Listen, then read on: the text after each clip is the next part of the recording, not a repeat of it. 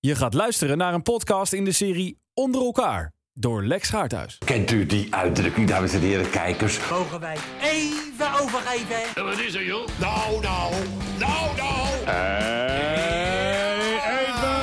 Kunt u mij nog, tot u mij nog kan? The happy chef from you for me.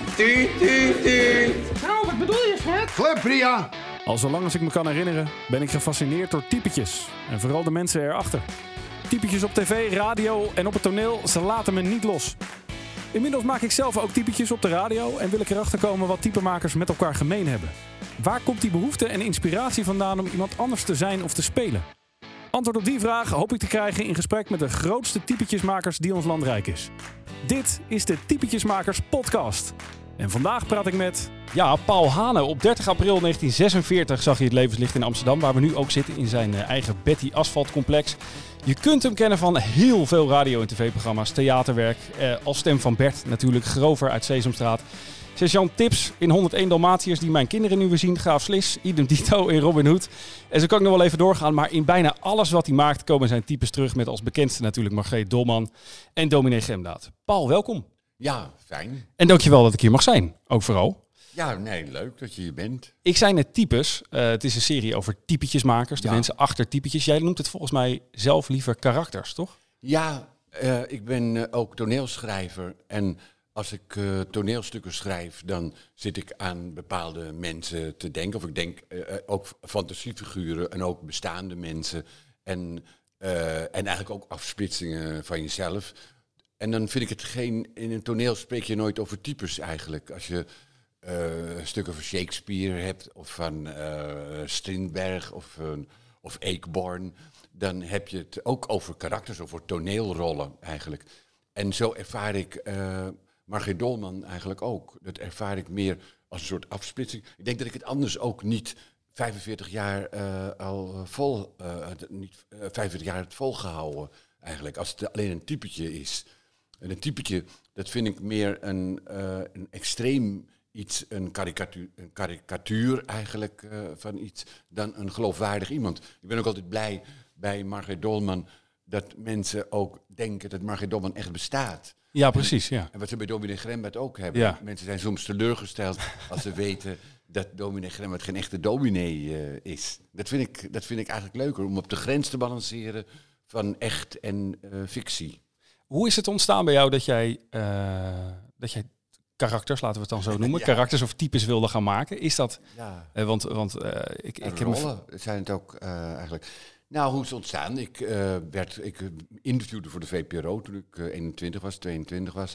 En toen vroeg het ho- hoofd van de afdeling jeugd van de VPRO, Toon Hazebos, of ik een rol wilde spelen in Beertje Kollegol. Dat was een Poolse animatieserie eh, met een, een, over een beertje en een directeur. En of ik daar een raaf wilde spelen, raaf 12. En dat vond ik wel leuk eh, om te doen. Eigenlijk, dus zo is het eigenlijk begonnen. En toen kwam Sesamstraat, toen vroeg ik of ik Grover wilde doen. Maar ik wilde ook Bert doen. Ik had al een proefuitzending gezien en ik vond, de ik vond Bert en Ernie meteen leuk. Maar hij wilde zelf Bert doen, het hoofd eh. Toen zei ik, nou dan wil ik auditie doen, wat ik verder nooit ergens gedaan heb. Maar ik dacht, ik wil die rol veroveren. En toen heeft hij zich erbij neergelegd. Dus daarom ben ik nog steeds eh, Bert. Nu wordt het niet meer opgenomen, maar Bert blijft. Ja, ik wil zeggen, want eh, er is nu heel veel te doen. Ik schrijf trouwens de microfoon iets dichterbij. Eh, nu, nu worden er geen opnames meer gemaakt, er is veel om te doen. Wanneer, is eigenlijk de laatste keer geweest dat jij iets voor Bert hebt ingesproken in de, in de huidige vorm van Sesamstraat? Vorig jaar. Oké. Ik denk vorig jaar november dat ik heb ingesproken. En het was altijd één keer per jaar een middag nog. En voor de rest herhalen ze toch Ja, eh, al, heel veel. al- alles. Ja. En, Ja. ik- en nu worden er dus geen nieuwe opnames eh, meer gemaakt. En ik denk wel dat het een soort eh, ja, afvloeiing is. Dat de eerste stap is naar totale opheffing. Ja, daar lijkt het wel op. Ja. Ehm beetje over het ontstaan al gehoord. Weet jij nog of jij vroeger ook bezig was met mensen die types maakten of die in de huid kropen van anderen of stemmetjes deden? Ja. Nou, eh, je had wel Peter Picos, die Ja. was heel bekend. En die, eh, het in de Bonte Dinsdagavondtrein deden ze eh, types eigenlijk. en Snippersnap natuurlijk is een heel bekend voorbeeld. Ik heb ook nog wel de shows van Snippersnap eh, eh, gezien. Juffrouw Snip en Juffrouw Snap. Willy Walde en Piet Muiselaar waren dat. Die twee vrouwen Ja. speelden. En ik heb het zelf eigenlijk nooit zo gewild. Maar toen ik bij Radio Amsterdam, eh, vroeger, ze- toen die zender begon, 45 jaar geleden, of ik daar wilde interviewen, toen had ik daar eigenlijk geen zin meer in. Ik had, was een beetje op het interviewen uitgekeken. Ja, dat kan je hebben. En toen stelde ik voor om een hoorspelserie te maken met Adèle Bloemendaal in de hoofdrol of een vrouw alleen in Amsterdam. Maar er was geen geld voor Adèle. En toen heb ik, eh, ja, toen heb ik voorgesteld om hetzelfde stemmen te doen. Toen heb ik ook, ook een speciale techniek ontwikkeld. Dat vond ik ook het leuke bij radio.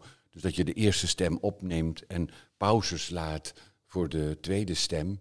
En dan hoor je op de koptelefoon de eerste stem en dan, je reageer dat invullen. En soms heb je te weinig pauze gelaten en soms te veel. Maar daardoor krijg je een hele natuurlijke dialoog. Want soms dan moet je inhalen, dan, moet je, dan wil je iets zeggen nog, maar die pauze was te kort. En dan moet je het snel proppen, eh, wat normaal mensen eigenlijk ook doen. Ja. En wat je bij de televisie heel weinig ziet. Want bij de televisie, ik heb het wel eens gemerkt, hebben ze snijshots nodig. Dus je mag bij de televisie niet door elkaar praten. Dus als ik een dialoog met jou heb, ja, je hebt ook snijshots nodig, maar dat is dan weer op een andere manier. Ja, precies. Maar als ik een dialoog met jou heb, je bent het ook gewend, ook als radio-interviewer, dat je niet door het antwoord van de ander heen praat eigenlijk. Want Terwijl het veel natuurlijker klinkt als je dat wel doet, want dan Ja. lijkt het een echte mensenconversatie. Ja, dat is echt Ja, net ja. wat wij nu hebben. ja. En dat heb ik dus ook, had ik ook bij Margaret Dolman alleen in Amsterdam. Had ik eh Margaret Dolman, eh, eh, Dr. Valentijn speelde ik zelf. En om de stem van Dolman, die dus een beetje irritant is, want die is, die is een beetje zo, en dat gaat dan irriteren, had ik een lelijkere stem er tegenovergesteld, de, de stem van Buster Fontijn. Ja. Zo hebben ze. Mevrouw Dolman, mevrouw Dolman, u gooit bijna een kopje om. Ja, maar daar was ik helemaal niet van bewust, Buster. Ja, je- je- je- En wat is er met u aan de hand? ik ben een beetje misselijk.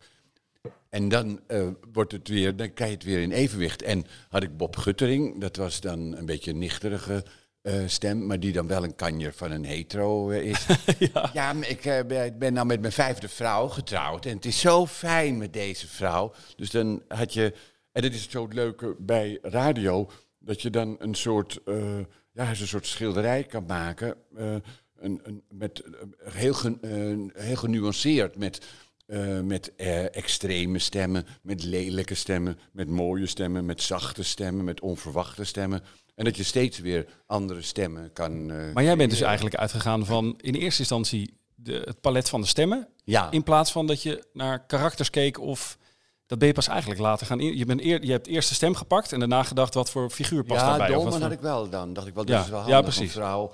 En ook over het liefdeleven. Want ik dacht, als ik twee mannen doe en die hebben het over en die hebben een verhouding, dan is dat eh, meteen. eh, ja, eh, eh, ja, het is wel. Dan is het meteen barricade. Ja. Eh, dan ben je meteen een barricade homo. En voor mij ging het niet eh, om het homoseksuele, maar bij mij ging het eigenlijk eh, om de leuke verhalen. Ja. En als Dolman eh, een, een, eh, een huis- en huisenquêteur ging pijpen, zeg maar, dan is dat aanvaardbaar. Ja, ja, Dan precies. gaat het ook wel eh, ver. Maar als een man, als Bob Guttering, een man ging pijpen, dan zou het wel iets verder gaan. Ja. Maar bij Dolman, dan, eh, dan kan je ook nog de geluiden erbij maken. Ja.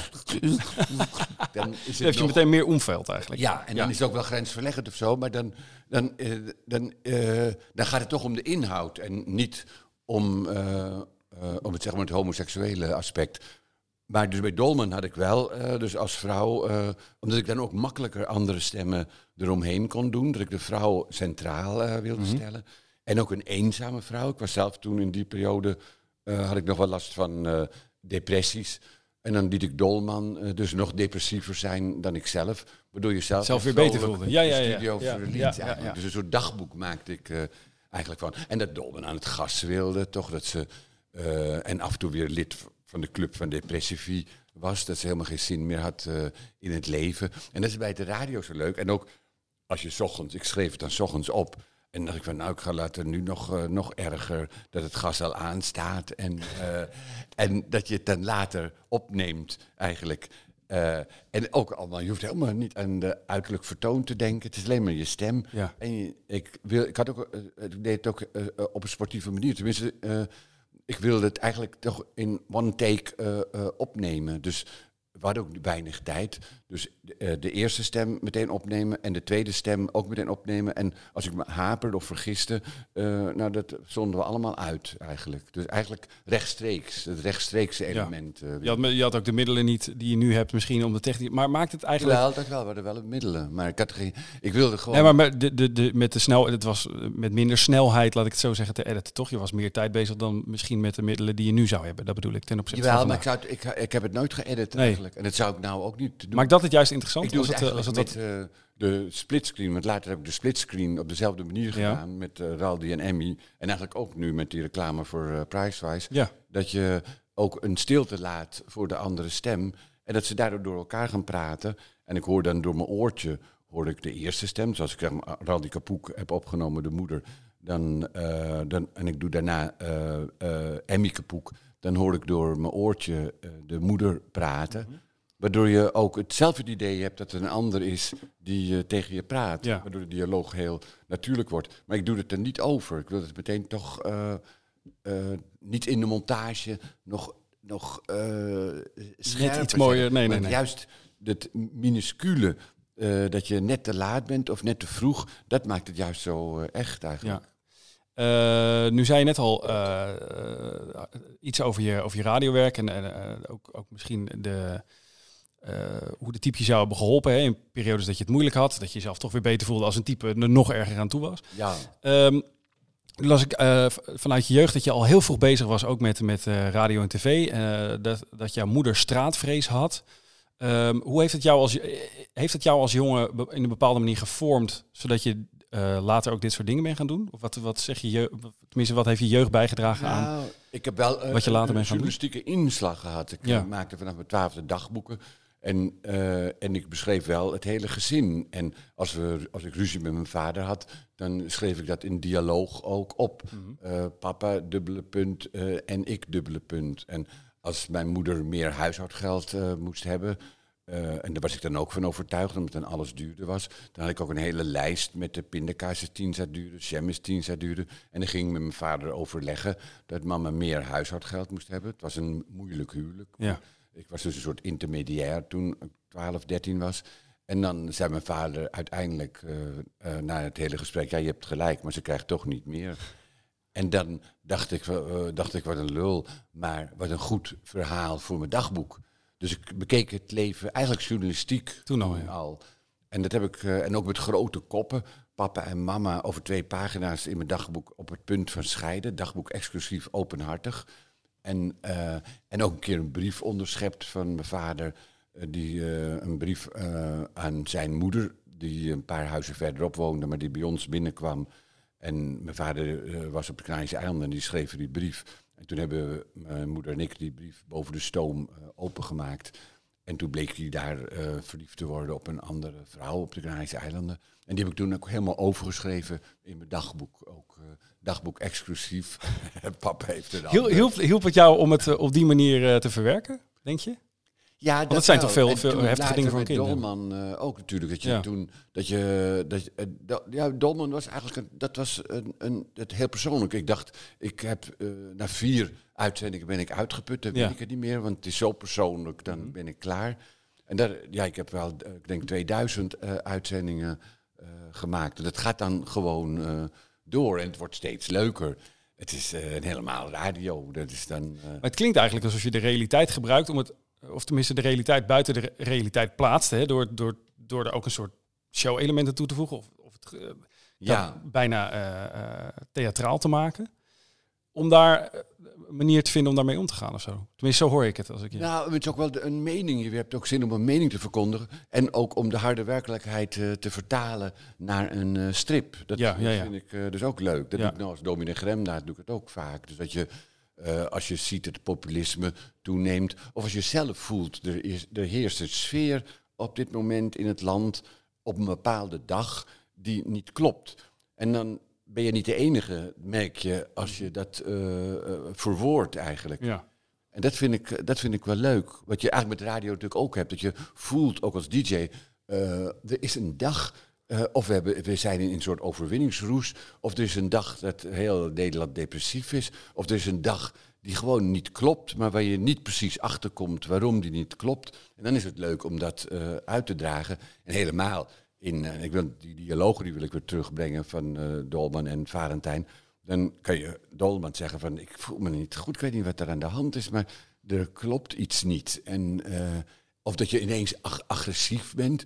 Dat vond ik ook wel leuk met Dolman, dat ze dan met de poes op schoot zit en dan... eh, en dan heel lief tegen Bichou. Ja, Bichou, je bent een schatje. hè, dan, en dan dit en dat. En wat, eh, wat, wat, wat, wat denk je nou aan? Ja, ga nou weg! En dat ze dan ineens eh, dat wispelturige erin brengt. Dat, dat, dat, is ontzettend leuk. En met de radio is natuurlijk leuk, die totale vrijheid. En de vrijheid die wij ook altijd gehad hebben, ook bij de VPRO eh, en bij Radio Amsterdam ook altijd. Ik heb ook een uitzending gehad eh, dan, eh, over dat Dolman in het verzet gezeten heeft met Karel Berenveen. Dat je een hele dialoog met Karel Berenveen. En dat ze samen ook een tunnel gegraven hadden onder het kanaal om naar Engeland te gaan, maar met de hand ook. En dat ze halverwege niet verder kwamen. En dat de weg terug zo moeilijk was, want je, ze konden zich ook niet omdraaien, want het was natuurlijk een hele smalle tunnel. Maar dat ze ontzettend gelachen hadden eigenlijk.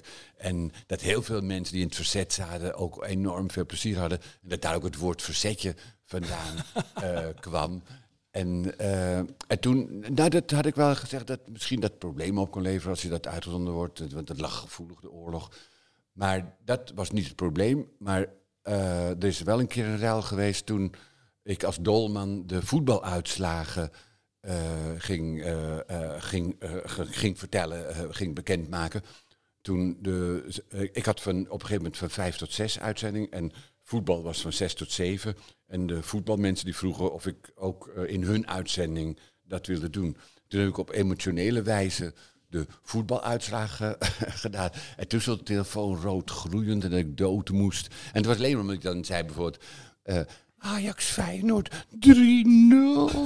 en dat vonden ze dat je het belachelijk maakte. Want aan sport, ja, sport is heilig. Dat mag je niet relativeren. Maar verder heb ik nooit problemen gehad. Verder altijd vrij gehad. eh, vrij eh, in mijn doen en laten. En de VPRO bij onze televisieuitzendingen keken ze niet eens. De directie en de hoofdredactie, die, eh, die keken helemaal niet. Dus ja, dat, die vrijheid is nou ondenkbaar. Ja, met de radio natuurlijk. Ja, die heb je, die heb je zeker nog. Al is dat ook eh, niet overal eh, eh, onbeperkt. Ehm, ik hoorde je al in eerder interview zeggen, en dat, dat haal ik er nu ook weer een beetje uit. Dat ehm, eh, ik ben ook een keer naar een theatervoorstelling van jou, of meerdere keren eigenlijk. Maar mijn, eerste was denk ik een jong, als jongen van 12. En toen zag ik jou in rollen, Dominic Gemdaad. Volgens mij deed je ook nog iets, de, stem van Bert, een, een, een sketch. En ik vond jou, dat her- herinner ik me van toen in ieder geval, het meest ongemakkelijk als je, op je, als, als je jezelf opkwam. En eh, goedenavond, dames en heren. Eh, Ja, Ehm, is dat ook, en je zegt het ook over die types, hè, dan kan je lekker ongenuanceerd zijn of een hele harde mening of switchen in emoties heel snel. Is dat ook wat jou aanspreekt in, in, in het dan in een karakter kruipen, dat je, zeg maar, je, je hoeft niet je, Ja. je, je, je eigen genuanceerde zelf te zijn, maar je kunt, Ja, nou, je hebt, je, je hebt een uitgangspunt. Als ik Margaret Dolman doe, dan weet ik is dat meteen ik duidelijk amusement moet Ja. eh, brengen. Ja. Dat ik het mensen naar de zin eh, moet brengen. Dat ik haast tegenovergestelde ben vanaf mijn moeder, van mijn moeder eigenlijk. Mhm. Dus niet de straatvrees, maar juist het uitbundige en het gezellige. En we horen er allemaal bij. En eh, geen problemen. En als er problemen zijn, dan worden ze opgelost. Dat is... je, je weet heel duidelijk. het, is niet, het is geen vlucht eigenlijk, maar een uitbreiding. Dat is eigenlijk het punt. Want mensen die zeggen dan, ja, maar je verschuilt je dan achter, je durft meer te zeggen. Maar het is, eh, het is een uitbreiding van je denken. En ook heel eh, gericht, doelgericht eigenlijk. En met Gremdaad heb ik een hele duidelijke boodschap. Dan weet je gewoon dat je bezig bent met eh, mensen een hart onder de riem te steken. Ja, het lijkt ook wel een beetje op Dolman. Maar ook, nou, het, het kan veel softer zijn. En als ik als mezelf op het toneel sta, dan denk ik in dialogen. Dus dan heb je een mening. En dan denk ik van ja, Ja, maar ja, de andere kant, eh, ja, daar is ook, eh, er valt ook wat voor te zeggen. Hè? Of Thierry Baudet, eh, ja, hij komt heel goed over, maar die, die, ja, ik geloof hem niet. en, ik, dus dan is het helemaal niet meer interessant voor het publiek. Denk je Als dat of weet, weet je dat? Of voel, voel jij dat het... eh, zou je het zelf Nou, het is interessant minder, vinden? Nou, ik doe het nu wel veel meer. En, en Ja. ik ga nu ook op tournee weer. Ja. Ja. En dat brengt vreugde de komend eh, seizoen. Maar daar heb ik wel een hele constructie eh, bedacht. Ook wel, eh, ik hou ook van het rechtstreekse. Dus ik vind ook de actualiteit van het moment, Ja. die moet er altijd in. Dus ik begin altijd toch wel met de, de actuele kranten en, eh, en alles. Maar er komt Dolman in ook eh, vanaf, eh, Dolman vanaf het scherm. Eh, die breekt in op een gegeven moment. En dan krijg ik een dialoog eh, als mezelf eh, met Dolman. En dan komen ook nog Bert Grover erbij. En dan, dan, dan kom ik in een soort toneel terecht. Dus ik begin dan heel twijfelachtig als mezelf, maar wel heel oprecht en eerlijk. En dan komt het amusement komt er later bij. Had jij zonder karakters of types, of hoe we ze dan ook noemen, de stap naar toneel durven maken als jezelf, puur? Vanuit, je, vanuit de start van je carrière? Dat denk ik niet, nee. Ik, had, eh, ik ben eigenlijk in het theater begonnen. Eh, ik had een serie eh, uitzendingen met Frans Halsema, cabaretier. Nu hoor ik het ook voor de KRO-radio, satirisch programma. Wat ook een paar keer gestopt was, omdat ze vonden dat we te ver gingen. Maar goed, dat is een heel ander verhaal. En ik had. en toen we dit. nee, we dit theater natuurlijk nog helemaal niet. Maar ik had een vriendin, een actrice. En ik heb een toneelstuk geschreven voor die actrice, de directiesecretaresse. En we hebben de zaal gehuurd, mijn vriend en ik. eh Bellevue hadden we een week gehuurd. Dat was 500 gulden in die tijd, zoiets. En mijn vriendin die kon die tekst niet uit haar hoofd leren. Dat lukte niet. Dus toen moest ik of de zaalhuur betalen, 500 gulden, of zelf iets doen. En toen dacht ik, ja, dan, ik vind het zonde eh, om zelf iets te doen. En ik had wel, eh Geert-Jan Reiners heeft wel, had wel een keer gevraagd of ik in een toneelstuk eh, wilde komen. Eh, Sterke drank in Oud-Zuid was het, geloof ik. En daar had ik, heb ik een paar repetities bijgewoond. Maar ik vond die sfeer niet prettig van het repeteren en de acteurs. Dus dat heb ik toen afgezegd. Maar ik wilde wel, dus op het toneel. En ik heb wel op toneel gestaan op de middelbare school. Met Gerrit-Jan Wolfensberger nog samen in toneelstukken gestaan. Op, eh, in, in de tijd van het Montessori Lyceum. En ik had ook in mijn dagboek ook een rubriek op de planken. En dan ging ik langs een bekende Nederlander langs. En een foto met handtekening en een eh, bericht erbij. Dus ik had wel die neiging. En doordat ik op die manier min of meer gedwongen werd eigenlijk eh, om te gaan spelen. Spelen of betalen, zeg maar. Ben ik gaan spelen. En zo is die telefoon er ook ingekomen. Want ik dacht, ik moet voor... eh, ik mag niet voor half elf eh, klaar zijn. Want de mensen die hebben entreegeld betaald. En die moeten toch waar voor hun geld eh, hebben. Dus toen heb ik een live telefoon op het toneel gehad. En aan de mensen gevraagd, toen het tien voor half elf was... heeft iemand misschien een telefoonnummer wat ik zou kunnen bellen?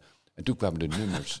En zo is dat bellen. En dat was dan in de zaal te horen. En, en, nu heb ik, en sindsdien heb ik dat eigenlijk altijd gedaan. Dat, nu mogen de mensen op een briefje schrijven eh, wie ik moet bellen voor ze. En dan als Margaret Dolman bel ik ze ook. En dan heb je soms hele mooie gesprekken. Dus dan zit het journalistieke aspect, dat heb ik eigenlijk nooit losgelaten. Nee, precies. Dat, zit er, dat, dat, blijft erin. doordrenkt, toch? Vooral bij Margreet Dolman. Ja. In de, in, in de interviewvormen. Ja, Van- en ook wel bij. Ik heb eh, ook als dominee Gremlaat Armin van Buren en Jochem Ja, Meijer eh, geïnterviewd Ja. eigenlijk. Ja. Dus het is eigenlijk wel, want je zei net, ik wil op een gegeven moment was ik het interviewen zat. Ja, maar het is altijd teruggekomen. Precies, maar misschien was het meer de, de vorm waarin je in, in het deed dan dat je het interview zelf... eh, Ja, en nu interview ik ook wel als dolman, maar ik wil ook wel weer als mezelf interviewen. Ik vind het eigenlijk altijd wel leuk om eh, niet, eh, ja, niet vastgepind te worden op één eh, karakter of type. Of, dus ik vind het ook weer leuk om, nou zoals Gerard Ekdom, om die in de vensterbank eh, te interviewen. En, en dan merk je aan hem ook dat hij, zoals hij het over zijn moeder heeft, dat hij ook mij niet als typetje ziet. Daarom heb ik ook wel, daarom denk ik nou ja, vooral woord daar vind ik het heel dicht bij jezelf liggen. Ja, En doe je eigenlijk, je verdraait je stem. Maar ik, ik had zeker, ik heb het ook met, met Gerard gezien, heb ik heel erg opgelet van welke vraag zou Paul nou niet stellen en Margreet wel. Zit dat dan ja. in, het, in het spectrum waar het heel persoonlijk wordt, dat je misschien als Margreet net wel eh, door durft te vragen, waar je misschien als je zelf wat gereserveerder zou zijn? Of? Nou ja, is de- ik vraag het me dat dus eigenlijk ook al, eh, al die jaren af. Want ik heb nu eh, Theo Maassen geïnterviewd en, die, eh, en dat gaat ook over Me Too. En dan vertelt hij ook dat hij vroeger, toen had, wat, wat problemen, ging naar de Rutger Stichting. En, en werd zijn geslacht bekeken door een, een jonge blonde vrouw. Maar die was daar zo druk mee bezig met zijn geslacht. Dat, er ook, eh, dat het geslacht ook in werking ging treden. En hij dat eigenlijk achteraf ook als een. eh, ja, eigenlijk ook wel als een soort. eh, eh, misbruik had kunnen ervaren. Maar hij moest erom lachen en, eh, en hij vond het verder eh, leuk. En dat hij verder eh, heeft hij ook nooit eh, verteld. En later, dan, dan gaat hij daar eh, ook op door. En dan weet ik niet, ja, ik zou als mezelf eigenlijk ook gewoon daar, eh, ja, nee, dat, dat zou eigenlijk ook geen verschil maken. Dan zou ik dezelfde vragen wel gesteld eh, hebben. Het is soms eigenlijk nog wel moeilijker om eh, als dolman en ook als schremdaad, ja, als iemand heel persoonlijk wordt, dan voel ik me soms ook een beetje ongemakkelijk eigenlijk. Dan wil je bijna eigenlijk je, je, je kleren en je, je pruik afdoen. En, eh, Ik heb met Jeroen Pauw, eh, zat ik een keer ook in de uitzending van Dominee Gremmert. En toen zat er ook een, eh, iemand met een groot probleem eh, naast mij. Ehm, ik, ik weet niet precies waar het over ging, maar wel over leven en dood. En dan, dan denk ik, oh, ik ben geen dominee. En, eh, en, dan, eh, en, ik, eh, en mensen nemen mij wel serieus. Maar zodra iemand eh, zou zeggen, u bent helemaal geen dominee... dan zou ik me wel enorm eh, lullig voelen. Dus ik later, toen Jeroen weer vroeg of ik ergens eh, of ik in een programma wilde komen, heb ik het niet meer gedaan. Omdat ik dacht van, ik wil niet in zo'n... Kijk, bij De Wereld Door... dan krijg je echt een apart. rubriek, precies. Ja, en dan ja. ben je los van Ja, wat er aan tafel dan, gebeurt. dan vind ik het wel leuk om... eh, eh, en over die Nashville-verklaring bijvoorbeeld... om dan als dominee... En dan werkt het bijvoorbeeld wel versterkend. Want dan, dan, dan ervaar ik mezelf ook als dominee... en de kijkers ook... En dan kun je echt eh, tekeer gaan en demagogisch eh, zijn. Dan kun je eh, ja, heel demagogisch zijn. En als mezelf zou ik dan denken van, nou ja... De nuance al aanbrengen in ja, je hoofd. de dat is- nuance Dat is aanbrengen. het effect eigenlijk al weg. En je moet in twee minuten moet je, je, je, je mening verkondigen. Ja. En dat kan je in een rol eh, kan je dat beter doen dan eh, als jezelf, denk ik. Is er een type waar je het meest van houdt? Of verschilt dat per dag? Nee, dat je wakker wordt en je denkt, ik heb nu meer een gevoel bij, bij de dominee of bij Margreet of bij... Of bij mezelf. Bij ja, ja, ja, je bent, eigenlijk ben je ook, eh, eh, om het woord type te gebruiken, eh, ben je ook een, een type. Oh, dan gaat het. eh, Even voor de... Wij nemen dit op op de eerste maandag van de maand. Ja, leuk. We hoeven niet te evacueren nu. Spannend. Ja, meteen geluid. Maar je bent als, eh de je dat het ook het rechtstreeks is. Ja, mooi, hè? Je hebt ook mensen die zeggen van, nou we stoppen hoor. We- als er een vliegtuig overkomt, we moeten stoppen. Maar ik hou alles er altijd in Ja. ook. Alle, alle, ook een keer bij Dolman, dat, deed ik de inleiding voor de, voor de wintervoorstelling. En toen viel de affiche eh, op mijn kop. en, eh, en ik ga dan, eh, ja, dan ga ik toch gewoon door. Ik denk, ja, dat hoort erbij. En het is door de hele maand december hebben we die opname gebruikt ook. Maar dit duurt ook niet zo lang ook hoor. Maar dan, zie je, dan hoor je natuurlijk wel als luisteraar wanneer er geknipt is. Want hoe lang duurt eigenlijk het luchtalarm tot het We bombardement gaan het nu, we gaan het nu tellen. Tot iedereen in de schuilkelder zit, denk ik. Ja. Ja, ja ik, En mij dus, eh, nee, over types gesproken, Ja. dat, je, eh, dat ik daar dus geen voorkeur eh, voor heb. Dat je soms dan, ik heb, vind het ook soms fijn om toneelstukken te schrijven weer. Dat ik denk van, oh wat lekker, nou moet die dingen, die moet mijn tekst allemaal uitspreken. Alle gemene dingen die je opschrijft, moet een ander uitspreken. Maar zoals gisteren had ik de laatste voorstelling, eh Margaret Domme breekt, doet de deur dicht. En dan vind ik het na de pauze leuk dol- eh, als dolman. Maar voor de pauze als gremdaad. Nou, het punt is, ik ben totaal vrij geweest vanaf jongs af aan Ja. in wat ik doe. Dus ik maak zelf de teksten. Ik word niet gedwongen om een eh, type te doen. Bij de reclame heb ik ook zelf voorgesteld om eh, Emmy en Bob te doen. En later Raldi, de moeder, erbij te doen. En zelf de teksten gemaakt. En het leek, het leek me ook wel leuk om in 20 seconden een soort soap te maken. En dan vind ik het ook fijn eh, dat er ook eh, elementen in zitten die je normaal in een reclame niet eh, ziet. Als de moeder, Raal, die tegen de dochter zegt: Ik ben trots op je. Dat Emmy in de camera zegt: Had ze dat vroeger maar eens tegen me gezegd. Dat is niet iets wat je normaal in de reclame ziet. En dat heeft toch iets met een, met een soap te maken. Dus door de vrijheid vind ik eigenlijk alles leuk om te doen. Eh, ken jij nog eh, onzekerheid in het schrijven? Want eh, ik ben echt een, een beginnend typemaker. En ehm, ik vind het, als ik het doe, misschien wel het leukste wat er is om Ja. te doen. Ik geniet er heel erg van. Het is ook altijd live dingen die ik doe. Dus het moet in één keer goed. Ehm, en toch als ik dan weer, als iets een succes is, of mensen vinden het leuk, en ik ga weer nadenken over de volgende sketch, heb ik eigenlijk altijd die onzekerheid van, is het wel, slaat het aan, is het leuk genoeg? Herken je dat Ja. van vroeger of van nu? Of heb je dat nog steeds als je dingen, Dat dingen maakt? altijd, maar dat, dan zit het ook heel dicht bij de... eh, ja, ja, waarschijnlijk ook dicht bij het succes. Ik, toen ik het eh, eh, woord pilse kindje eh, bedacht eigenlijk... en het kindje erachter, toen vond ik dat echt zo verschrikkelijk... en eigenlijk zo kinderachtig dat je denkt, nee, dit kan eigenlijk helemaal niet. En... eh, en dan wordt het juist eh, opgepakt. Dan denken de mensen, dan vinden ze dat juist eh, leuk eigenlijk. Dus, dus eh, waar je schaamte voor hebt. Nou, ik had ook wel schaamte eigenlijk voor de Dolmanstem. Ik heb überhaupt schaamte om typetjes, zeg maar, te doen. Om je anders voor te doen dan je bent. Dat is dan denk ik het journalistieke. of het nuchtere. of of, of het, het hervormde wat, wat in je zit. Maar ja, daardoor, het, is, het, is, het blijft een, een duister, eh, verboden gebied haast. En daarom is het ook eh, ontzettend leuk. En om de grenzen op te zoeken, dat vond ik bij de radio leuk. Net om een, ja, kun je een pijpscène waarmaken, geloofwaardig maken eigenlijk. En kun je Buster Fontijn, dus wat een zwerver is, kun je die menselijk maken. Dat hij de zoon is van Margot Fontijn, de, eh, de balletdanseres. En, eh, en dat die Margot Fontijn eh, hem ook wel eens uit een, uit een huis, eh, uit een verdieping, van een hoge verdieping gegooid heeft, zodat hij beter goed leerde dansen.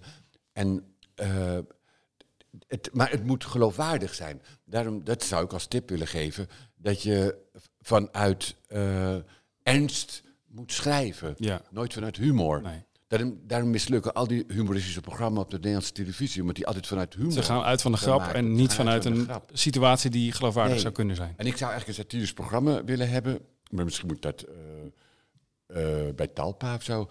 Dan, ja, we hebben gaan. onze eigen zender, we hebben nou onze eigen Betty Ja, TV. ja.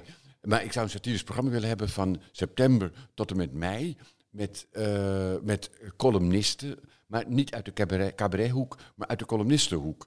Dus eh Evie Menko bijvoorbeeld van Trouw. Echt schrijvers Bert, die, Wa- eh, ja. Bert Wagendorp eh, of zo. Schrijvers, maar ook Theo Maassen, dus de serieuze cabaretiers eigenlijk. Maar je zou ook Hans Steven kunnen nemen. Maar, en dan gewoon dat ze vanuit een mening, van een mening dus die ze echt menen, een mening die ze menen, dat ze van daaruit hun, hun column maken. En dan komt de humor, die komt er altijd bij, daar moet je niet bang voor zijn. Humor komt er altijd bij. Maar je moet beginnen met bevlogenheid. Wat wil je zeggen? Wat wil je uitdragen? En de humor, die, eh, ja, als die er niet bij komt, dat is helemaal niet erg. Dan, we leven ook in een, in een land vol humor. Soms is het te veel humor. Ja, ik heb Joep van het Hek wel eens horen zeggen, alles moet cabaret zijn. Overal, eh, zelfs op Schiphol, staat een eh, wachtrij eh, clown of een cabaretje om het gezellig te houden. Ja, Herken nee, je dat? Dat alles maar alles Ja. entertainment moet zijn en van minuut tot minuut vermaakt Ja, moeten worden? Je hebt het nu minder, maar vroeger had je de omroep in de trein, moest ook altijd heel vrolijk zijn. En, en eh, alles moet vrolijk en cabaret zijn. Ik, eh, nu wordt Nederland 3 waarschijnlijk dan, eh, of NPO 3 wordt opgeheven. Maar ik zou wel een zender zonder humor willen hebben. Dat je gewoon, dat je gewoon een betrouwbare zender zonder humor. Dat je helemaal geen flauwekul erop moet hebben. En nu heb je op de, bij de NPO, heb je bij de publieke omroep, heb je eigenlijk hobby-satire. Mag... Ja, dan mag de een drie weken grappen maken, dan mag de ander weer zes weken grappen maken. Maar satire hoort eh, ook eh, ja, eh, reinigend, geestelijk reinigend te zijn. Dat, hoort, dat moet je serieus nemen, satire. En dat hoort gewoon het hele jaar door te gaan. Als iemand een faux pas maakt in de politiek of op ander gebied, dan hoort dat door zo'n satirisch programma gecorrigeerd te worden. Je hoort, en het moet links en rechts. Dus ik zou ook een rechtse columniste en linkse columniste bij elkaar willen hebben. Zie jij dan nog wel eh, satirische programma's of sketchprogramma's waar je om kan lachen? Of waar je blij van wordt? Of waar je doorheen kunt kijken? Ik bedoel, je, je hebt een draadstaal, eh, Jeroen van Koningsbrugge, Dennis van de Ven. Ja. Dat al een aantal jaar eh, doen, hè? Die, die, die... Ja, ik vind het geen satire. Dat is absurdisme. En eh Cote dat was satire. Die kwamen nationaal van acht uur, kwamen ze rechtstreeks in Ja. de uitzending. Ze reageerden op de nieuwe bril van eh Harmen bijvoorbeeld. Maar ook op eh, echte actuele dingen. En dat was ook ernstig. Wim de Bie die wond zich ook soms enorm eh, op. Dat was echt een voorbeeld van... En dat is eigenlijk weer wat je zei over het vanuit de, vanuit de ernst iets schrijven en Ja. de humor komt later. En, dit was, En dat is en- misschien het verschil met, want zij gebruikten dan types, haalden ze erbij om hè, misschien hun standpunt wel kracht bij te zetten of af te of van twee kanten. Of in ieder geval, dan werd het, het werd een heel verhaal. Ja. Vanuit een oprechte mening van een van de beide mannen, of een gespeelde mening, dat lijkt dan in het midden. Maar, Ja, maar- vanuit, op de actualiteit echt, eh, ze gebruikten de types om de actualiteit te duiden, als het ware. Ja, en eh, bij Cote Bie waren het ook afsplitsingen eigenlijk. De vieze man, dat is ook een beetje eh, Kees van Koten. En de woedende de, Duitse leraar, Leraar, ja. dat is ook echt Wim de Bie. Dat zie je ook, dat Ja. hij gewoon zich echt opwindt. En dan... eh, en ook alle, eh, ja, alle deskundigen die ze eh, uitbeelden. Dat, was, dat had allemaal met de werkelijkheid te maken. En allemaal met bevlogenheid te maken hebben. Met ernst. Je moet humor, dat moet je met ernst benaderen. En, en dus figuren, creaties, ja, nou zeg types, die moet je ook vol ernst brengen. Zijn er, is de basis van de humor eigenlijk. vind jij dan ook vanuit eh, dat oogpunt eh, moeilijk als je, als je reacties krijgt op types? Eh, ik kan me voorstellen dat mensen nog steeds heftig reageren op dominee Gendaat, omdat heel, heel veel mensen die niet per se bezig zijn met dat het een type van jou is, maar dat gewoon los voorbij zien komen. Hè, tegenwoordig met Facebook en YouTube enzovoort. Ja, als mensen, nou laat ik het anders stellen. Vind jij het moeilijk als mensen niet snappen wat je daarmee bedoelt? Of de vorm niet snappen? Gebeurt dat überhaupt? Nee, in het begin wel. Dan, eh, soms reageerde ik er ook wel eh, op. Als je een bepaalde mening eh, verkondigt dat het heel goed gaat met Nederland. dan, dan krijg je ook al gescheld eigenlijk op Facebook en op YouTube. Ja, en, of dat ik dood moet, wij van spreken. En dan, als je dan erop reageert, gewoon een interessante mening eh, is dat, dan zeggen ze, ja, maar zo bedoel ik het helemaal niet. En ik vind u eigenlijk wel leuk. En dan, dan ontkracht je het eh, meteen. Je moet nooit eh, in discussie gaan, volgens mij. Ik reageer ook eigenlijk nauwelijks op alle reacties. Maar ik vind het wel leuk dat... nou, soms dan hoor je ook ineens mensen die, ja, die er steun aan hebben. Die aan de preken van Gremdaad. Dat vind, ik, ja, dat vind ik leuk. Of mensen die vrolijk worden van Dolman. Eh, ja, aan de ene kant moet je je mening verkondigen en op de barricade staan. En ook rumoer teweeg eh, brengen en stenen in de vijver gooien. En eh, aan de andere kant ja, ben ik ook blij als mensen waarderen wat je doet. Maar het geldt eigenlijk voor, dat geldt eigenlijk zelfs voor Bert en Ernie.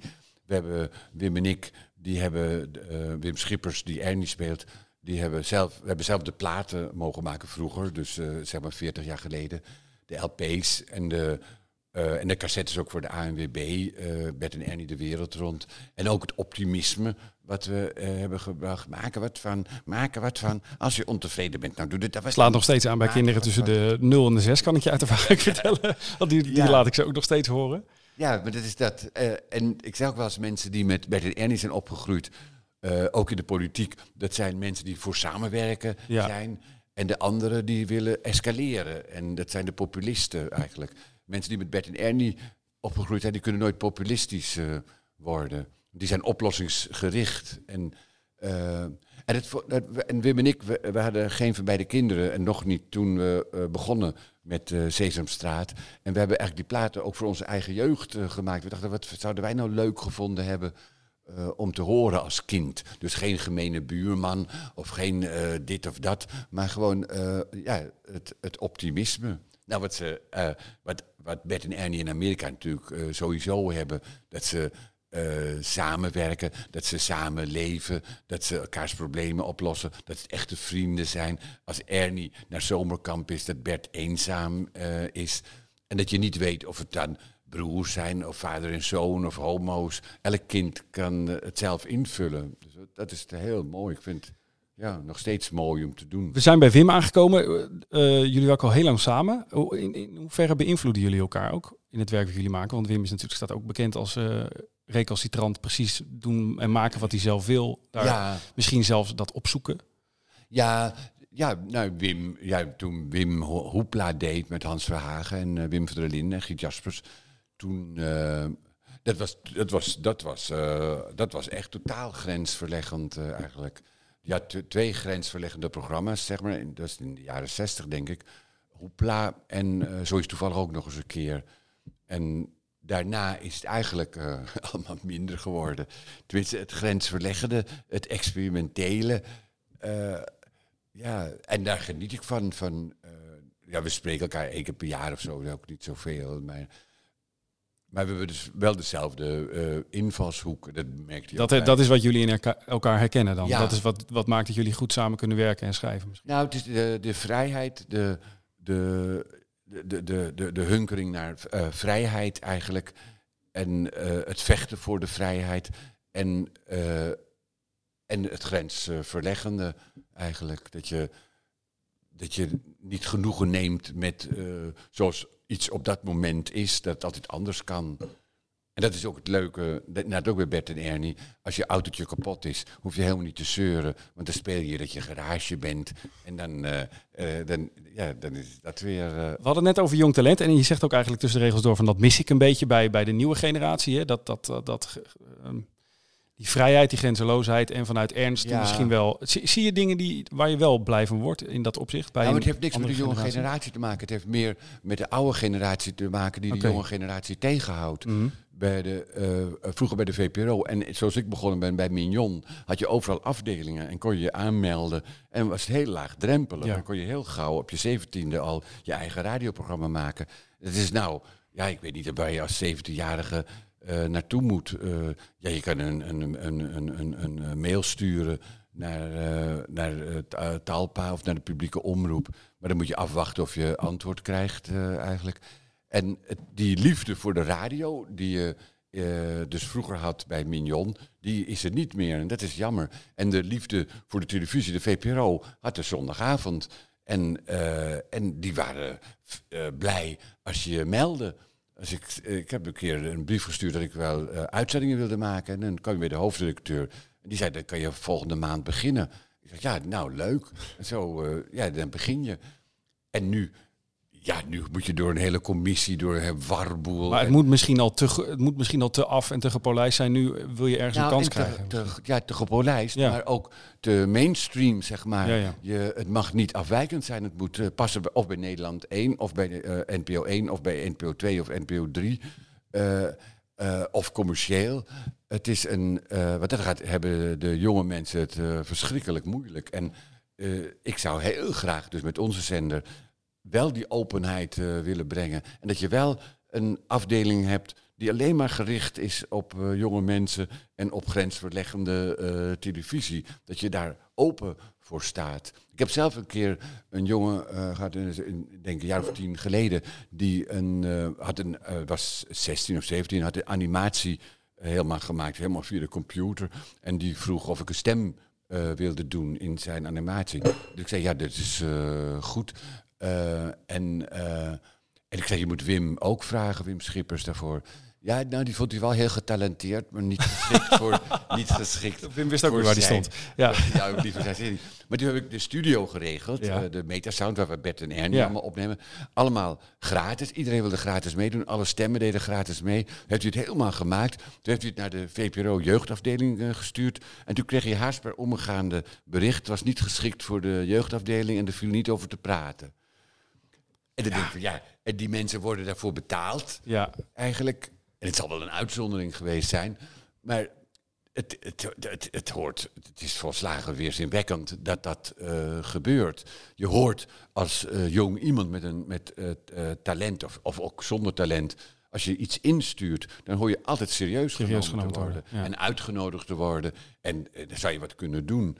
Maar ja, die omroepen, die zijn natuurlijk ook weer afhankelijk van de netmanager. Ze hebben geen uitzendtijd. Dus daar ben ik ook wel weer terug. Wil ik eigenlijk de, de vaste dagen ook weer terug. Dat de VPRO op de zondagavond uitzendt. Of, eh, en, en eigenlijk bij anderen ook. Dat je gewoon een, een eigen eh, omroep weer hebt, een eigen beleid. Dat je niet afhankelijk bent van de netmanager. Wat nu zo belachelijk is met André van Duin. Met eh, Dat smaakt naar meer. Dus het vervolg op eh Heel, Heel Holland Bakt, Bakt. ja. Dat wordt gemaakt door Max, Omroep Max. Dat is dus voor mensen boven de 50. En het mag niet meer uitgezonden worden op Nederland 1, omdat te veel mensen boven de 50 kijken. Dus de doelgroep kijkt en daarom mag het dus niet meer uitgezonden worden. Nou, dat is, vind ik zo. En eh, hoe zie jij, want eh, je bent eh, met alle respect natuurlijk van de iets oudere generatie. Hoe zie je dan You- YouTube in dat? Want het is heel makkelijk om zelf een kanaal te beginnen. Alleen dan Ja. is het weer moeilijk om aan je publiek te komen. Dat is dan weer hè, de Ja, spanningsveld. Dat, dat is wat, voor ons ook moeilijk Ja. natuurlijk, dat je ook geen geld hebt Nee. voor publiciteit. Maar het nadeel bij YouTube is dat hij, dat hij ook van de vertrutting is eigenlijk. Er mag geen blote tepel op, er mag geen seks op. Eh, ik had vroeger, maakte ik als dolman eh, mensen wakker, een, eh, een jonge student eh, en, ook, eh, en vrouwen ook. ook de, die, eh, eh, en dan maakte ik een reportage van dat je eh, de, en met een gedicht en, eh, en hoe de hele ochtend eh, verliep. En dan ging je ook mee in de douche eh, en filmde je alles. Dus eh, helemaal compleet. Maar die vrijheid was er ook wel. Dat niemand dacht van ja, maar die lul kan je niet in beeld brengen. maar dat konden wij wel. ja, Maar dat zou op YouTube Dat- dat kan al niet meer zijn. Nee. nee. En daarom zou ik wel een eigen zender willen hebben. En ik wil ook vloeken. Ik wil ook kunnen vloeken. Dat mag op YouTube ook niet. Dus je hebt wel beperkingen. Het voordeel is dat je de vrijheid hebt en dat ik Grem dat ook nog op YouTube doe. En dat kan nu in 4K eh, uitgezonden worden. Dat, eh, en het kost niks eh, eigenlijk. Je verdient er ook niks mee, maar het kost ook niks.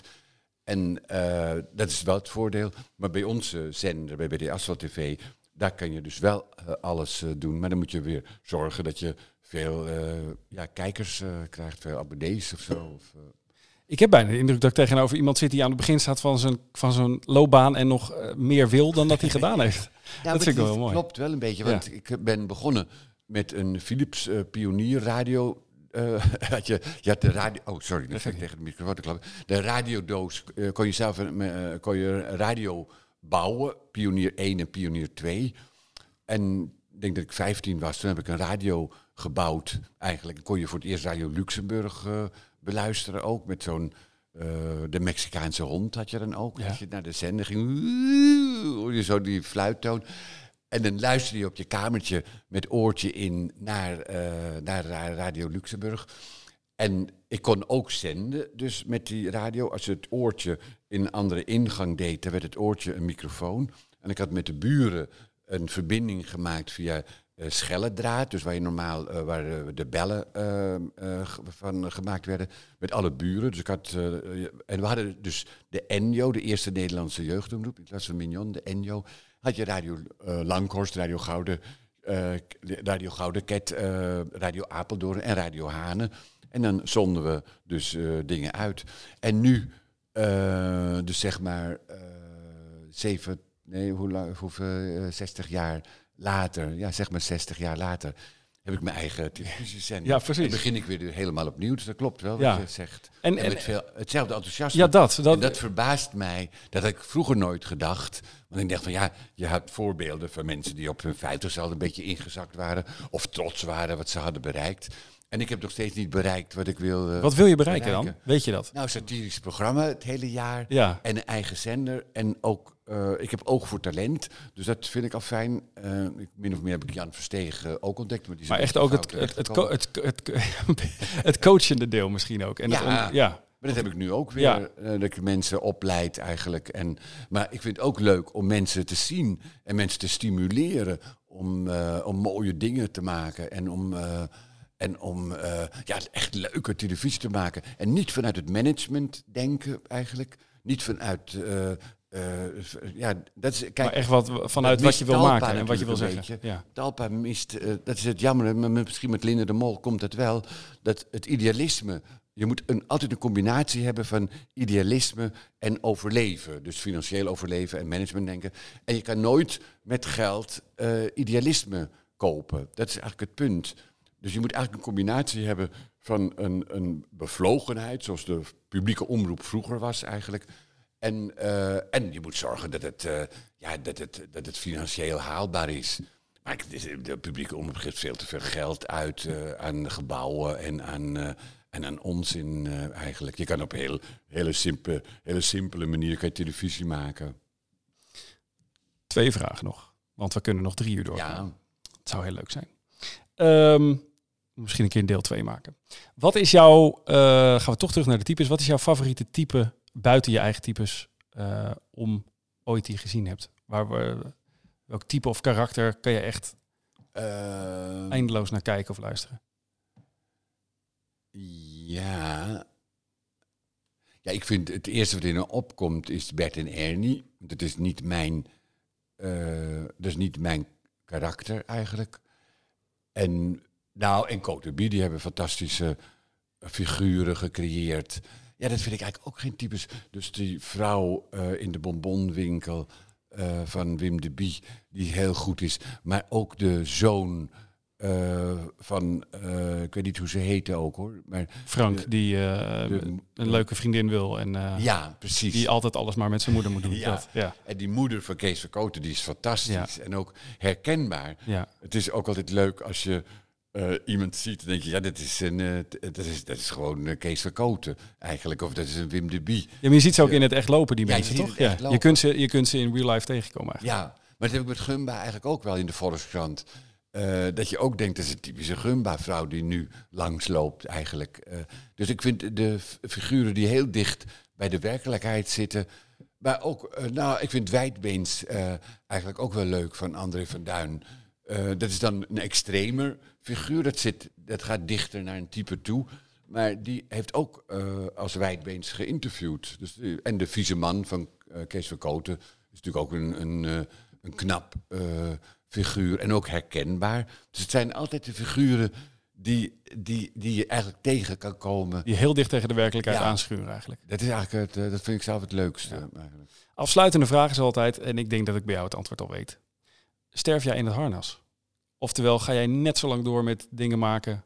Ik hoef hem eigenlijk niet eens te stellen bij jou, totdat het echt niet meer gaat. Nou ja, ja, nee, ja Heb je er, ben je er überhaupt mee bezig met die vraag? Zolang ik er plezier in heb. Mhm. En, eh, en zolang je, eh, ja, zolang je denkt dat het klopt, of zo, zolang een ander denkt dat het eh, klopt, dat je niet. ik heb, ik- dat is het rare. Ik heb altijd het idee met de voorstellingen ook dat ik weer beter ben. Dan, een, eh, dan, Dan de vorige keer. Dus ik nooit. Mensen zeggen je moet op je hoogtepunt stoppen, maar ik heb nog nooit een hoogtepunt gehad in mijn werk. Dus ik, eh, ik, ik wacht eh, op tot ik dat heb en dan ga ik stoppen. En is dat belangrijk voor jou dat als mensen zeggen... Nou, Paul, we houden van je, maar eigenlijk kan het niet meer. ja, ik zou wel- Stel dat iemand dat tegen jou Ja, zou zeggen. Of je, of je partner zegt dat tegen jou. Ja, het zou ik wel Zou die, dat doen, zou die dat doen? Is hij zo eerlijk?